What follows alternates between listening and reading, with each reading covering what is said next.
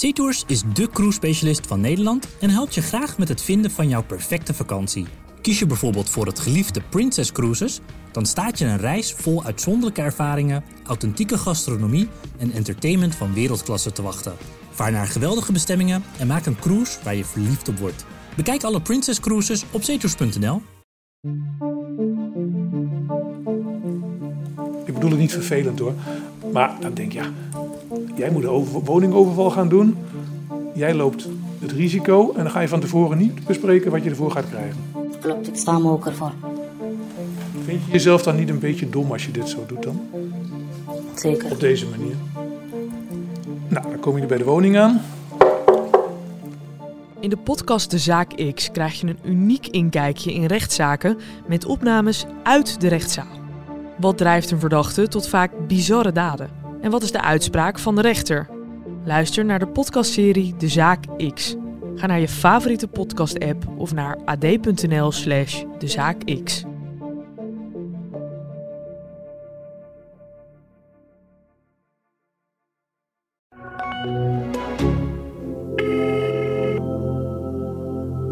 Michiel Kuip is op dit moment in gesprek. Laat een bericht achter na de toon. Van vrienden, familie en kennissen krijg ik stevast dezelfde vraag. Heb je Appie zelf ook geprobeerd? Wil hij iets zeggen? Hij is de hoofdrolspeler in deze podcast. Niet zo raar dus dat dat de meest gestelde vraag is. Michiel Kuip is tegenwoordig zijn advocaat. Je hoorde net zijn voicemail. Zijn kantoor zit in het Gooi. Zou Appie bewust iemand gekozen hebben uit de omgeving waar hij opgroeide? En later ook nog woonde en werkte? En wie weet keert Appie zelf binnenkort ook wel terug naar het Gooi. Zijn vrijlating lijkt een kwestie van tijd. Of toch niet? En de man die levenslang heeft omdat hij ruim 30 jaar geleden in Oosterbeek twee supermarktmedewerkers vermoordde, komt misschien vrij. Dat heeft de maker van een podcast voor de Gelderlander over de zaak ontdekt. Er was dit weekend nogal wat opwinding toen bekend werd dat de met levenslang bestrafte supermarktenovervaller Appie A. mogelijk na ruim 30 jaar van zijn straf te hebben uitgezeten weer vrijkomt. Dit is Appie, een podcast over een gruwelijke roofoverval op een supermarkt in Nederland. Het gebeurde in Oosterbeek in 1990. Gewetenloos schoot Appie A. twee Albert Heijn-medewerkers dood. Hun collega Johan die raakte zwaar gewond. Je hoorde zijn indrukwekkende verhaal in de vorige aflevering. Appie is een podcast van De Gelderlander, het AD en de aangesloten regionale dagbladen. Abonneer je even, want net als nu komt er een extra aflevering als er ontwikkelingen zijn. Deze aflevering moest er komen omdat ik de kans kreeg om de hoofdrolspelers te spreken. De mensen die hebben beslist over het feit dat Appie A mag wennen aan een vrijlating. Dit is aflevering 7. De hoofdrolspelers. Nu links afslaan. Hey Peter, ik uh, rij volgens mij in de buurt. Ja. Um, is er een herkenningspunt? Want ik zit, ik zit op die huurmanlaan. Daar, daar uh, rijd ik. De winkels, de winkels aan het weer aan, uh, aan het beginnen. Toch begint deze aflevering met een bijrolletje. Maar het is wel een opvallende. Daarvoor moet ik naar Bussum. Links de, de meteen weer de eerste volgende links. In Bussum lijken alle straten op elkaar. Ik ben hier naar een tip van luisteraar Peter. Hij hoorde de eerste zes afleveringen van Appie en nam toen contact met me op. Ik ben Peter. Hoi Mark. Peter is halverwege de 40. Super vriendelijk. Net als Appie is ook Peter opgegroeid in het Gooi. En zijn tip richting mij kwam binnen via de mail. Ja, die, die podcast die gaf heel veel duidelijkheid voor mij eigenlijk. Ben ik je heel dankbaar voor, want ik, ik dacht altijd dat het in de tijd het hele verhaal anders was. Uh, Appie A was namelijk conciërge bij mij op school. Ik uh, zat ooit op de technische school in, uh, in Bussum, de Delta. En dat was hier? Dat was hier, ja. En uh, ja, hij was daar conciërge en heel veel herinneringen kwamen terug. En toen dacht ik van, ik ga toch maar eens mailen dat ik genoten heb van die podcast. Want ik, ja, genoten. Het is natuurlijk een heel raar verhaal, een bizar verhaal ook. Maar het, het, het gaf voor mij wel weer een, een, een, ja, meer helderheid van hoe dat nou in de tijd precies was gegaan. En hoe erg dat ook eigenlijk is geweest. Want heel veel dingen zoals het in die supermarkt is gegaan, die wist ik niet eens. Een bizar verhaal. Fijn dat mijn podcast veel dingen heeft duidelijk gemaakt, maar welk verhaal bedoelt hij eigenlijk? Eén ding is duidelijk: Peter laat weten met een akelig gevoel terug te denken aan zijn tijd op het Delta College. Met name als hij aankwam met de fiets. Nou ja, ik, eh, ik, ik kwam hem eh, eigenlijk dagelijks tegen. En- Appie A. Appie A, ja. ja. Die was eh, conciërge en hij was conciërge in het fietsenhok beneden in de kelder van de school. Was een fietsenhok. En daar moest je met je fiets aan de hand de trap af. En daar was hij altijd. Eh, er was niemand die wat tegen hem, eh, hem deed. Want wij wisten ook allemaal dat hij dus eh, ook aan vechtsport en alles deed. En eh, ja, je luisterde naar hem. En als, jij, als hij zei, je fiets gaat daar, dan zet hij je fiets daar. En er was ook geen discussie. Niemand had een discussie met hem. Want je wist ook dat je er eigenlijk niet uitkwam. Hè, Want, ja, het was, het was een beetje vaag. Het was een beetje een gekke man. Het is, ja. Ja, we staan 20 meter van die school af. Tenminste, die school is er niet meer. Het zijn nieuwbouwhuizen. Kunnen we eens even naar de ingang van die fietskelder lopen, waar die was? Eh, dan moeten we dwars door het huis heen, denk ik. Maar ik weet niet, misschien is hier een pleintje aan de binnenkant of zo. Het, het lijkt erop alsof het een vierkant blok is. En zeg maar in het midden van deze huizen, daar was het, eh, daar was het grote schoolplein. De school was eh, van origine een, eh, een kazerne. Ik weet niet precies hoe die heet, dat zou ik eens terug moeten zoeken. Maar het was een, eh, een heel groot ja, soort flatgebouw van drie verdiepingen. En daaromheen stonden, ja, dat waren dan onze lokalen, waar we dus de techniek leerden. Maar dat waren dus eh, ja, soort ja, hele grote ruimtes waar het leger vroeger allemaal dingen deed. Dit is niet zo raar. Appie had voor zijn misdaden ook gewoon een leven en de leerlingen vonden hem wel eng. Maar ja, daarmee ben je niet schuldig. Maar wat blijkt? Appie stond hier in de fietskelder niet voor de moordpartij in Oosterbeek. Het is anders. Het is anders dan Peter altijd had gedacht. Appie A werkte op zijn school nadat hij de dubbele moord had gepleegd. Hij was toen de meest gezochte misdadiger van ons land en hij zat als het ware ondergedoken in een fietskelder van een middelbare school. Het dringt nu pas tot Peter door. En ik had echt zoiets van, oh, maar dat was dus al gebeurd. En dus- er stond dus gewoon een moordenaar eigenlijk. Een moordenaar die weken daarvoor twee vakkenvullers door het hoofd schoot. Deze man, deze moordenaar, was inmiddels conciërge op een school.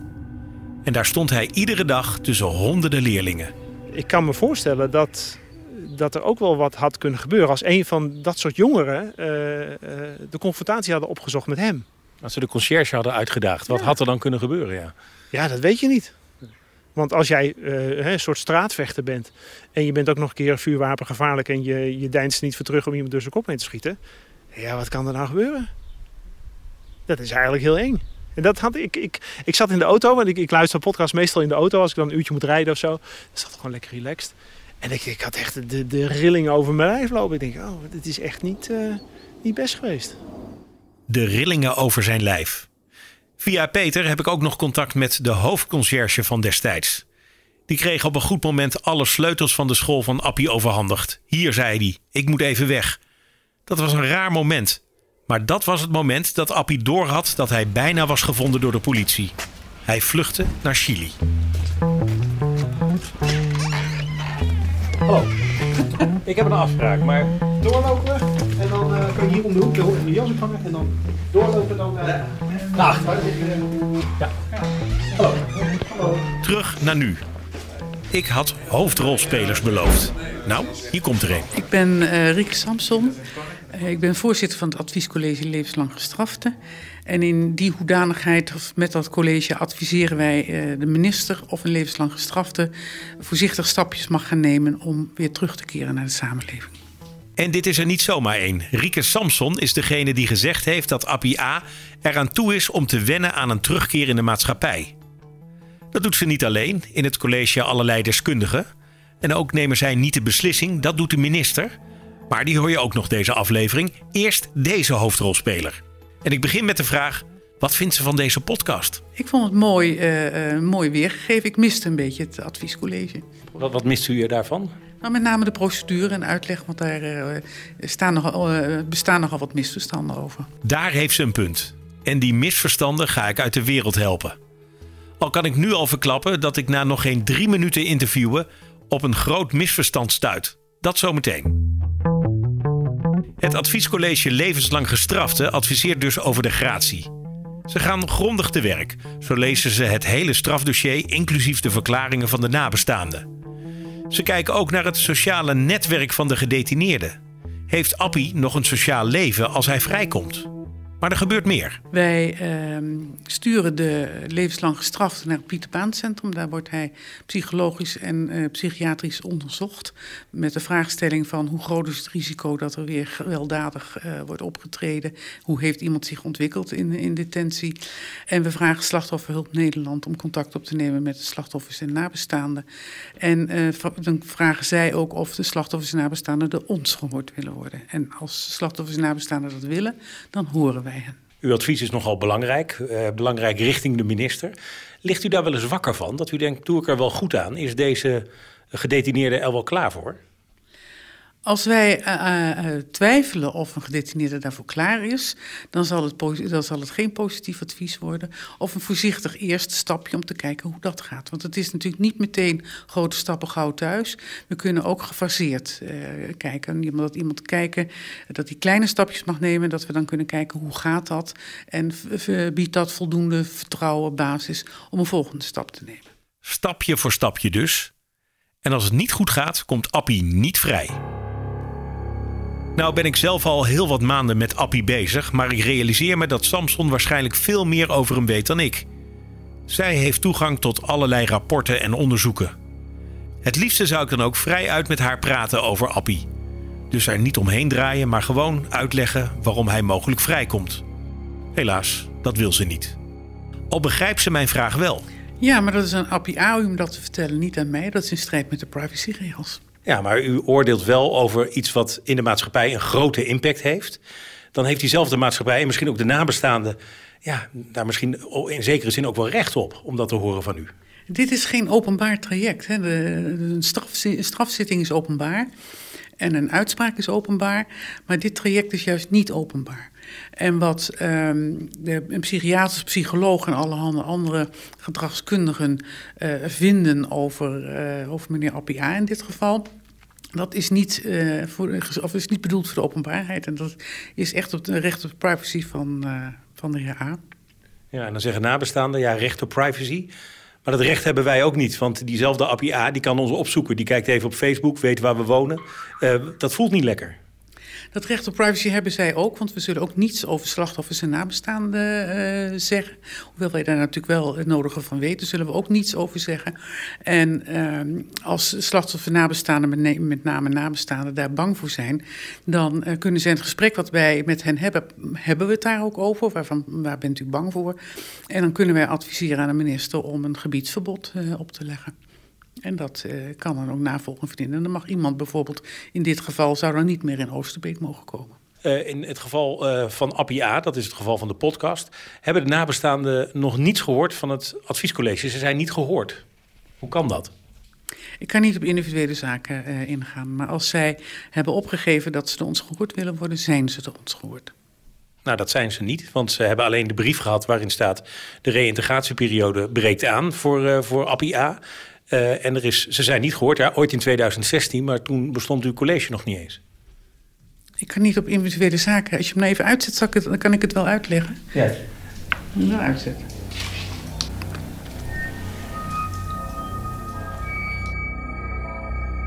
De recorder moet uit. Dit ligt toch niet aan mij? Fred, de broer van de doodgeschoten Rob, heeft me duidelijk gezegd dat ze in aanloop van de brief over de reïntegratie van Appie niet zijn gehoord. Het adviescollege Levenslang Gestrafte, waar Samson de baas van is, heeft zich niet gemeld.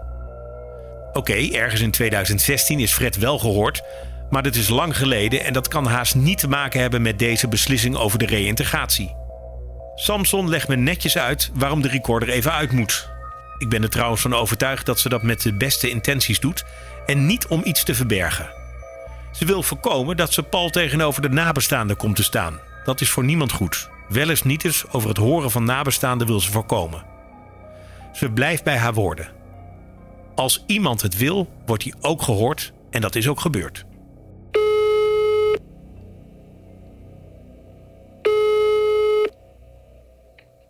Hey Mark, met Fred.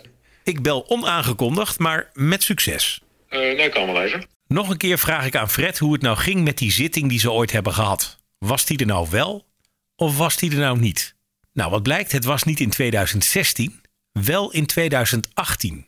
Dat is vier jaar geleden, maar eerlijk is eerlijk, ze zijn gehoord. Al was compleet onduidelijk wat het belang was van dat gesprek. En al helemaal hoe zwaar het mee zou wegen. Het lijkt erop dat de mening die ze als nabestaanden vier jaar geleden hadden, nu nog steeds wordt gebruikt in de afweging om Appie vrij te laten. Ja, dat, eh, dat eh, denk ik wel. Kijk, en dat zijn vragen die bij ons ook leven. Van, eh, er zit vier jaar tussen. Ehm, moet dat niet elke keer gebeuren? Of hoe vaak heeft de adviescommissie een advies uitgebracht naar de minister? Dat zijn allemaal dingen die wij niet weten. Ja, hoe vind je dat? Eh, vervelend. En dat is een understatement. ik wil een ander woord gebruiken, want ik vind het gewoon, eh, de communicatie die is eh, zwaar dramatisch naar ons toe. Ja, wel- welk woord wilde je gebruiken? Kloten.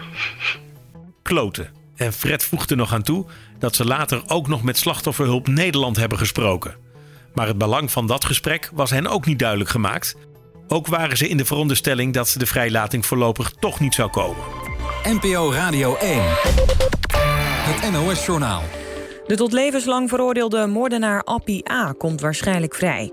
A. schoot in 1990 twee vakkenvullers van de Albert Heijn in Oosterbeek dood bij een overval. Nabestaanden van de slachtoffers zeggen nu in een podcast dat justitie heeft gezegd dat A. wordt voorbereid op een terugkeer in de samenleving. Ze zijn daar boos over en willen de vrijlating voorkomen. En dat voorkomen begint in de Tweede Kamer. De VVD heeft Kamervragen gesteld. Dat gebeurde naar aanleiding van deze podcast. Alle reden dus om een commissievergadering bij te wonen. Hier volgt informatie over de vergaderingen in de Tweede Kamer. De Tweede Kamer is ook de plek waar ik Fred ontmoet. Op dit moment zijn er geen vergaderingen in de plenaire zaal. Nou Fred, dat is, eh, dat is toch even geleden dat wij elkaar in levende lijven hebben ontmoet. Ja, het, is niet, het voelt nog niet zo heel erg lang geleden, Mark. Hoe gaat het met je? Eh, ja, op zich wel goed. Op zich gaat het goed. Toch merk ik dat Fred op scherp staat. Het Tweede Kamergebouw is voor hem ook nieuw en hij is hier om te voorkomen dat de moordenaar van zijn broer vrijkomt. Dit is geen gezellig uitje. Na het uitkomen van de podcast heb ik Fred niet meer gezien. Ik vraag hoe de podcast is ontvangen in zijn omgeving. En bij zijn antwoord zitten de tranen in de weg. Op zich wel eh, heel positief. Eh, het verbaasde me zelfs dat eh, heel veel mensen, zelfs uit Renkum of, of op mijn werk ook, die, die, die, die niet op de hoogte waren. En die horen dat dan en ja, die, die, die schrikken dan wel. Ja. Ja, die zeiden van, dit, dit heb je ons nooit verteld. Nee, nee, ik loop er ook zeker niet te koop mee. Dus mijn directe omgeving en mijn directe collega's, die weten het allemaal wel. En die hebben ook de meeste wel geluisterd. Maar die schrikken dan toch van de details die ze dan te horen krijgen. Maar eh, ja, ook wat, eh, wat andere mensen, eh, ja, toch redelijk dichtbij. Ja, die kijken er toch af van, huh? oh, was dat bij jullie? Ja, welke reactie staat jou het beste bij? Heeft jou het meest aangegrepen? Nou ja, als ik mijn ouders ook hoor uit hun omgeving, ja, die, die, die, die gaan nog wel naar de kerk en zo. En ja, als je dan hoort dat ja, de mensen eh, in die samenleving dan ook verbaasd zijn. Of ja, dat gewoon eh, andere mensen uit Renkum die mijn ouders wel van gezicht kennen en eh, dan eh, met, met een bloemetje komen. Ja, dat doet wel wat. Nou, de, de eerste mensen druppelen de commissiezaal binnen. Zullen we een plekje zoeken? Ja, prima. Aan de orde is het onderwerp strafrechtelijke onderwerpen. De spreektijd is vastgesteld tot maximaal vier minuten. Links zitten de twee ministers, samen met een medewerker van het ministerie. En aan de rechterkant van de zaal de Kamerleden. Al vrij snel in het debat valt de naam Appie. Ik heb ook de nabestaanden, een van de nabestaanden van eh, de verschrikkelijke daden van Appie A. gesproken. Die geliefden zijn er niet meer. Die zijn uit de realiteit weggerukt. En wij hebben te dealen met die daders. Die daders. En die komen af en toe vrij en daar moet Nederland maar aan wennen. Dat zegt minister Weerwind die ochtend in het Algemeen Dagblad. best bijzonder eh, dat Nederland zou moeten wennen aan het feit dat mensen die vreselijke dingen gedaan hebben, eh, gewoon eh, op straat zou moeten komen. Dit kan toch niet waar zijn, zou ik bijna zeggen. Dat was Kamerlid Knops van het CDA. En er is bijval. Me- Mee eens, levenslang, eh, zou levenslang moeten zijn. De vraag is even aan het CDA, wat wilt u doen om eh, dat te doorbreken? En levenslang, eh, levenslang te laten zijn, ongeacht dus Europese regels die dat nu onmogelijk maken. Helaas. Vanuit achter in de zaal kan ik alles mooi overzien. Fred zit vijf meter voor me in het midden van de publieke tribune, samen met zijn vriendin. De stoelen om hem heen zijn vrijwel allemaal leeg. Hij luistert aandachtig en het gaat over hem. Uiteindelijk uh, moeten de belangen van de slachtoffers gewoon zwaar worden meegenomen. Dat vindt ook Kamerlid Eertmans. Die mensen gaan dus de rust niet krijgen die ze dachten te krijgen. Namelijk de moordenaar van mijn kind wordt opgesloten, komt niet meer terug. Die krijgen nou toch weer te maken met het fenomeen... er is een muizengaatje en ze kunnen wel weer in vrijheid komen. En die kan ze zelfs tegenkomen met een beetje pech. En zo gaat dat de hele ochtend door. De conclusie is in mijn ogen dat we nou eenmaal te dealen hebben met de Europese regels. Maar geef bij de beslissing over vrijlating de nabestaanden een grotere rol dan nu. En dan is het één uur. Ik dank de leden uh, voor een mooi debat en ik wens u allen een mooie dag. Ik sluit de vergadering.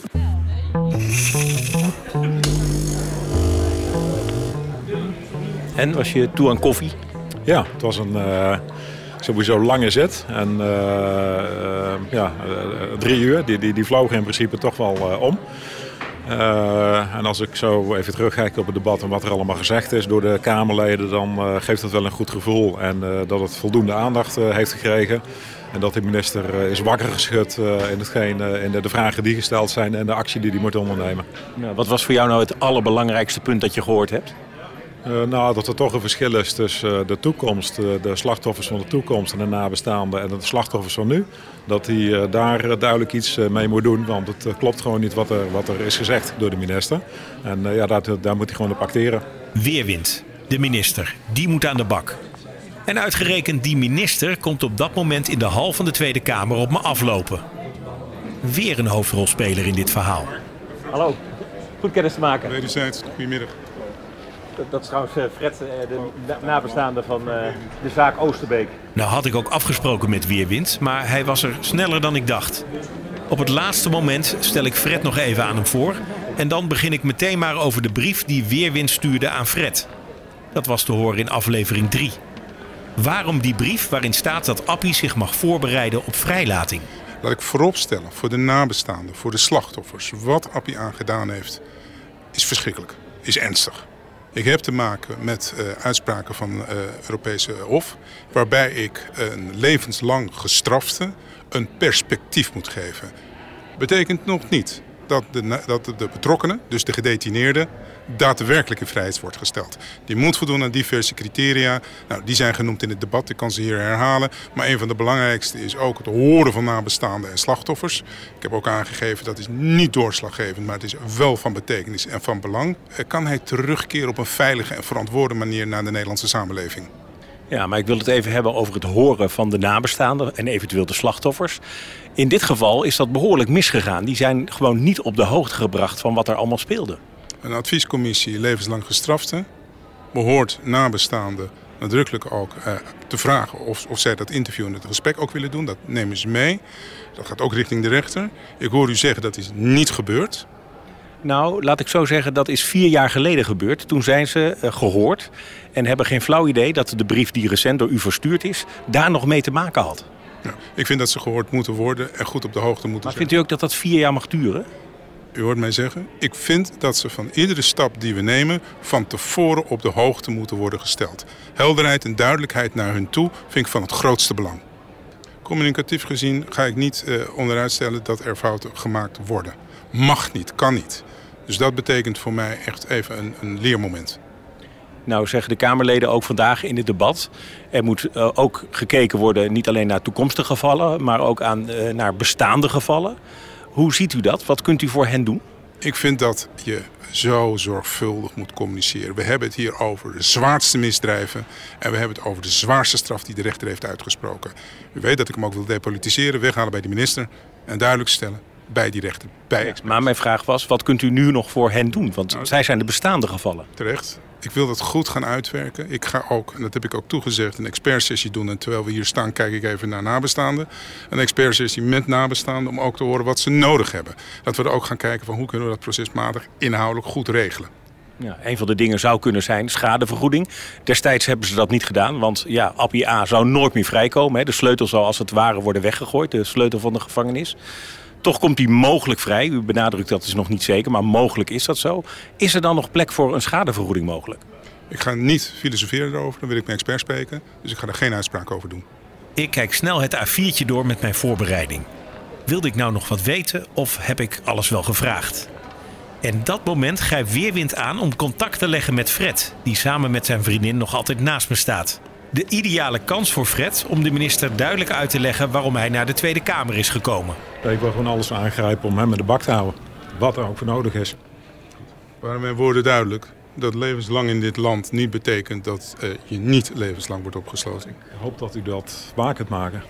Ja. Nogmaals, een adviescollege levenslang gestraft te kijken ernaar. Vervolgens komt het mijn bureau. Ik ga geen uitspraken erover doen, ik wil die adviezen hebben. U zegt dat u de adviescommissie de gesprekken wil afwachten. Maar wij willen eigenlijk met u in gesprek voordat u met hun gaat. Zodat u ook weet waar wij tegenaan lopen bij de adviescommissie. En wat niet klopt. Zodat u daar ook met hun meteen over kan praten. En niet achteraf. Bent u daartoe bereid? Ja, daar ben ik toe bereid. Maar ik ga geen uitspraken doen die ik niet kan waarmaken. Ja, dus ik ga geen beloftes doen of hij wel of niet in vrijheid wordt gesteld. Dat kan ik niet, dat doe ik niet. Maar dat vraagt u ook niet van me. en dat, dat zie ik u. u naar ons luisteren. Mevrouw, ik sta hier om naar u te luisteren. En dat gaan we ook een keer in mijn werkkamer doen. Beloofd. Of ik kom naar u toe, wat u wilt. Kijk, dat is haar gelukt. De minister wil langskomen. De vraag is of dat ook echt gebeurt. Nou, ik heb het antwoord. Het antwoord is ja. Dat hoor je straks aan het einde van deze aflevering. En dan nog die andere vraag. Ik belde aan het begin van deze aflevering met Michael Kuip, de advocaat van Appie.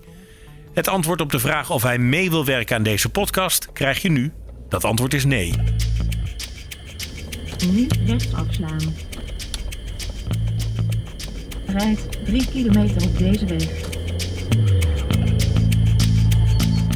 Het voelt goed om weer terug te zijn in Renkum. Voordat ik aanbel, kijk ik snel even omhoog. Daar was het. Daar is de slaapkamer van de overleden Rob. Pal boven de voordeur. In aflevering 4 was ik hier ook. Nu zijn we weken verder en weet de buitenwereld ook wat wij toen al wisten. Appie komt mogelijk vrij. En de podcast zorgde er uiteindelijk voor dat de minister langs wilde komen. Goedemiddag allemaal. Alles goed? Ja. Mooi. Hallo. Hi. Nou, goed er weer te zijn. Wil ik zeggen, meneer of maar? Bij het gesprek met de minister was ik niet aanwezig. Jammer. Ik wil dus horen hoe het was. Nu een paar dagen later zit ik in dezelfde huiskamer als minister Weerwind. Op tafel een bosje rozen in een vaas. Ik wil vragen of Weerwind het bosje had meegenomen. Gewoon een vraag om het ijs te breken. Toch begin ik ergens anders over.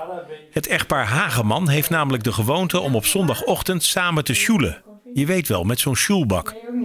Inmiddels is alles netjes opgeruimd in de huiskamer, maar ik wil wel weten wie er vandaag gewonnen heeft. Natuurlijk, ik. Ja, maar ik- een klein beetje voetelen, hè? Weet je waar dat is, voetelen? Nee. Zegelen. De zaak besodemieteren. Je hoort het al, de sfeer is goed. Gekleed in een mooi donker pak, vergezeld met twee medewerkers, bracht de minister een bezoek aan huis. Dat maakte indruk. Je krijgt niet elke week een minister op bezoek. Dus dan stond zo'n hele grote dienstauto hier in de straat. Nou, ze rijden met een 45 kilometer auto. Klein autootje. Nee, grote Mercedes. Maar ja, ze stapte niet voor de deur. Hij moest ook nog een eindje lopen ook. En toen begon het gesprek. Meneer Hageman begon zijn verhaal over de dag voor de overval. Dat was een zondag. Een zondag in 1990. Het was toen moederdag. Ik heb een verhaaltje geschreven dat eh 13 eh, mei 1990 eh, moederdag. Dus dan krijgen alle moeders eh, die een beetje liever overkomen, die krijgen dan een bloemetje. Misschien heeft APA dat ook wel eh, gedaan bij zijn moeder. In zijn achterhoofd toch, morgen vroeg had ik een overval plegen. Ik eindig dan met de woorden: wij 32 jaar verdriet, hij 28 jaar in de baaiers en dat moet zo blijven. En hoe was de reactie van, eh, van Weerwind? Nou, ik, eh, ik heb het nu rustiger verteld. Ik heb het toen. eh, Ja. ik heb het toen verteld met, met, met tranen in de ogen. Ja, dan hou je ook niet droog, hè? En dat mag ook wel. Weerwind zal het gesprek niet snel vergeten. Misschien voor hem een reden om vooralsnog niet te tekenen voor de vrijlating van Appie. Maar de minister heeft bij de familie Hageman keer op keer herhaald dat hij niets kan beloven. Ik ben heel benieuwd hoe de anderen het gesprek hebben ervaren. Denk aan Johan, de vakkenvuller, die was er ook bij. Hij heeft de overval overleefd. Maar ook zus Caro, net als Fred en zijn vriendin. Maar nog iemand. Iemand die je nog niet hebt gehoord. Peter Otte. Dag Peter, ik ben Mark Adriani. Goed kennis te maken. Het is Peter Otten, de broer van de andere doodgeschoten vakkenvuller. Hem tref ik bij Caro thuis. Ik ben de broer van uh, ja, Weiler René Otten, die omgekomen is bij de overvallen Albert Heijn op 14 mei 1990. En deze Peter verloor dus net als Fred zijn broer bij de overval. Zijn overleden broer heet René. Meewerken aan dit verhaal wilde hij eerst niet. Dat had ik wel gevraagd, maar toch luisterde hij wel iedere week naar een nieuwe aflevering. En toen nam hij het besluit om aan te haken. Ik wil op het laatst toch meedoen met die podcast om toch de, je gevoelens te delen met de rest van Nederland. En dat, ze, dat iedereen weet wat er eigenlijk allemaal speelt. En wat er in het verleden gebeurd is. En dat is ook de reden dat hij aanwezig was bij het bezoek van Weerwind. Hij vertelde de minister dat Appie ook zijn leven flink op de kop heeft gezet. Hij heeft er veel last van gehad. Ja, dat heb ik zeker.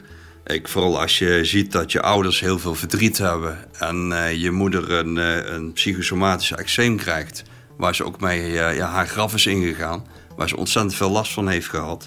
En ja, die kon hun verdriet gewoon niet kwijt als je je eigen kind kwijtraakt. Op zo'n, ja, vooral op zo'n gruwelijke manier. En jijzelf? Ik heb een tijd hyperventilatie gehad en nog meer van die klachten. Dat heb ik ook bij mijn, bij mijn broers gezin.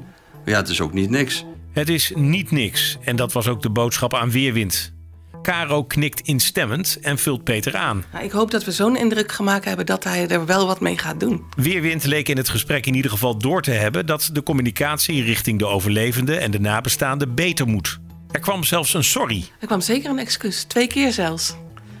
Ja, vond ik heel erg, uh, had ik gewoon niet verwacht. Ik vond dat wel uh, indrukwekkend ook. Dat ja, hoe zei hij dat? Ik was er niet bij. Oh, hoe zei hij dat? Hij zei wel echt mijn, op, mijn welgemeende excuses voor. Ik weet niet eens meer waarvoor. Het was zo. Uh, ik was gewoon verbijsterd dat hij dat zei. Ja, nou, de excuses ging dan waarschijnlijk over de communicatie. Eh, dat klopt, ja. Dus uh, hij heeft zeker twee keer zijn uh, welgemeende excuses aangeboden. Communicatie en wat allerlei dingen. Dus ja, hij had het ook niet hoeven doen. Hè? Dus dat vind ik al respectvol, dat hij dat toch doet. Dat was Johan. Hij vindt het heel goed dat de minister zelf langskwam. We praten door over het gesprek. Al vrij snel gaat het over de hoorzitting van jaren geleden met het College van Levenslang Gestraften. De club van mevrouw Samson. Ik vond dat zo'n nare ervaring dat ik daar gezeten heb met mijn broer die zijn verhaal vertelde. En dat er allemaal mensen zaten om me heen in zwarte pakken. De minister bood zelfs nog zijn excuus daarvoor aan dat hij een zwart pak aan had deze keer. Um, kon ik vertellen hoe ik dat ervaren had, want het was gewoon echt niet fijn. Intimiderend of wat, wat, welk woord hoort daarbij? Ja, ik vond het heel intimiderend. Ik wist niet eens waar ik mee bezig was of wat ik aan het vertellen was en waarom. Dat was me gewoon helemaal niet duidelijk. Ik wist het gewoon niet. En als je het wel geweten had, wat het belang was van zo'n nou ja, zo'n onderzoek, zo'n verhoor eigenlijk, wat had je dan anders gedaan? Dan had ik me echt veel beter voorbereid. Ik zou het graag overdoen zelfs. Heb je dat gevraagd? Nee, dat heb ik nou weer niet gevraagd. Had ik het maar gedaan. Dat kan nog, hè? Ja, dat geldt voor altijd volgens mij de eerste keer. Dat begreep ik de laatste keer dat ze dat zeiden. Dat die, dat die uh, afspraak voor altijd bindend is. Maar ik zou het heel graag overdoen. En dat overdoen, dus nog een keer vertellen wat je vindt van de vrijlating van Appie, is inderdaad geen onderdeel van de procedure. Nabestaanden worden één keer gehoord en dat was in dit geval vier jaar geleden.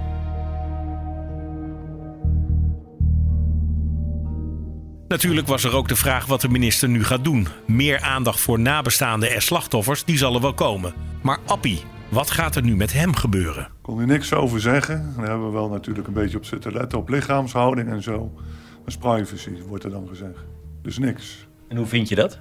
Ik kan, er verder niks mee. Dus uh, ja, helaas. Maar we moeten toch afwachten. Afwachten. En wie weet komt na dat wachten een aflevering 8. Hoe lang dat duurt is onbekend. Dit was in ieder geval aflevering 7 van Appie. Ontwikkelingen rondom Johan, Caro, Peter, Fred en zijn ouders blijf ik in de gaten houden. Abonneer je dus op Appie in je podcast-app, dan krijg je automatisch een seintje als er een nieuwe aflevering is. Appie is een podcast van de Gelderlander, het AD en de aangesloten regionale dagbladen. Dankjewel Peter Kroon voor de montage en Kevin Goes voor de eindredactie.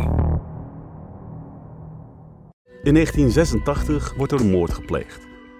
Het is een moord in huiselijke kring, ergens in een buitenwijk van Stockholm. Het slachtoffer is een 30-jarige vrouw. De dader, haar stiefzoon Samir Sabri.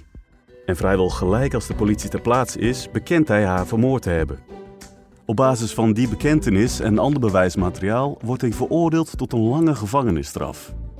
Alleen kort daarna beweert hij onschuldig te zijn. Terecht of niet?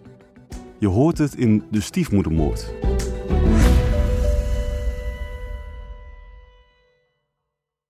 SeaTours is de cruise-specialist van Nederland en helpt je graag met het vinden van jouw perfecte vakantie.